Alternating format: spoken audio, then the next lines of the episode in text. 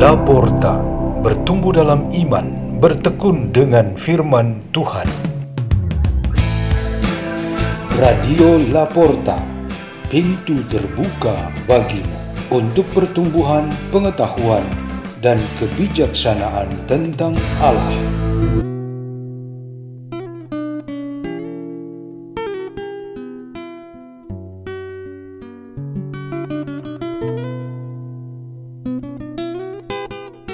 Bacaan dan Renungan Sabda Tuhan pada hari Selasa, Pekan ke-17 Masa Biasa, 1 Agustus 2023, Peringatan Santo Alfonsus Ligouri, Uskup dan Pujangga Gereja,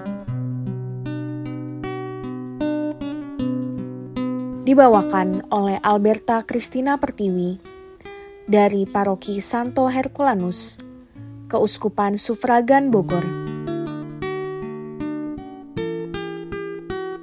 Inilah Injil suci menurut Matius. Pada suatu hari, Yesus meninggalkan orang banyak, lalu pulang. Para murid kemudian datang dan berkata kepadanya, "Jelaskanlah kepada kami arti perumpamaan tentang lalang di ladang itu."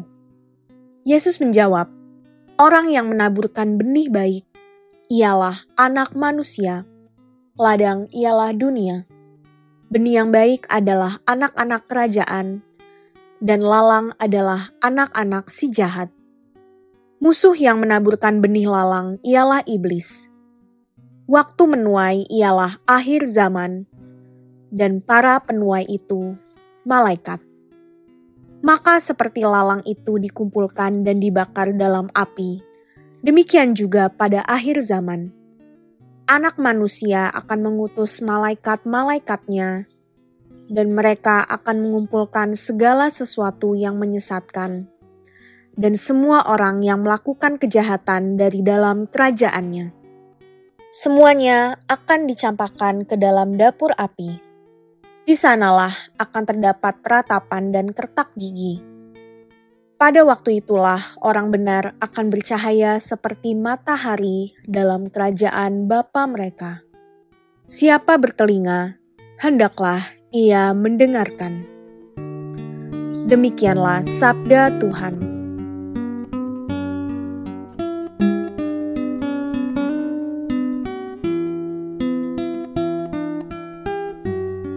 Tema renungan kita pada hari ini ialah dunia nyata, bukan mimpi. Kita baru saja mendengar bacaan Injil tentang makna penaburan benih dan tumbuhnya lalang bersamanya sampai saat musim panen. Satu unsur dari pemaknaan perumpamaan itu, kata Yesus, ialah ladang atau lahan penanaman yang dimaknai sebagai dunia. Dunia yang dimaksudkan di sini ialah dunia nyata tempat kita berada sekarang dan di sini. Dunia nyata diisi dengan kehidupan kita. Allah begitu sayang dan menaruh perhatian kepada manusia di dunia, maka Ia mengutus Putra Tunggalnya datang ke dunia untuk menyelamatkannya. Yesus Kristus mendirikan kerajaannya di dunia yang berwujud gereja untuk menyatukan semua umat Allah dalam jalan keselamatan, dan akhirnya masuk dalam kerajaan surga yang abadi. Dunia ini dan pribadi-pribadi manusia yang mendiaminya menjadi pilihan Yesus Kristus. Ia rela mati demi orang-orang yang dikasihinya. Kita ini adalah pendosa atau paling kurang hidup kita penuh dengan kesulitan karena bersama dengan semua jenis lalang. Namun Yesus tidak pernah menyerah atau berhenti memperhatikan kita.